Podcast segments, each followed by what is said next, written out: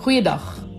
Nou generaal Napoleon Bonaparte het dikwels met doeltreffende resultate die verhaal vertel van 'n ou soldaat wat hy tydens sy besoeke aan die troepe ontmoet het. Op die trotse vegter se uniform het die gesogte medalje van die legioen van eer gepryk. Die man het net een arm gehad.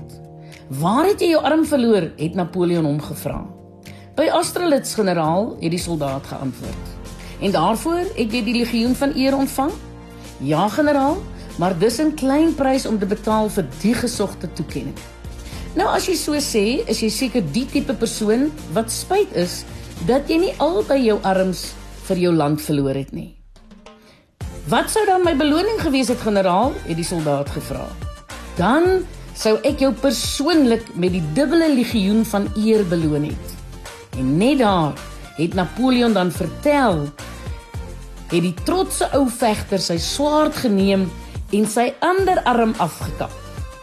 Nou hierdie storie het jare lank die ronde gedoen en is sonder huiwering geglo totdat totdat 'n kind eendag gevra het: "Maar hoe het hy dit gedoen met net een arm?" Jy sien, ons aanvaar dikwels wat mense vir ons vertel sonder om 'n oomblik oor die feite van so 'n verhaal na te dink of pront uit te twyfel oor wat vir ons vertel word. Dalk, ja, dalk het dit tyd geword dat ons meer aandagtig moet begin luister, né? Nee?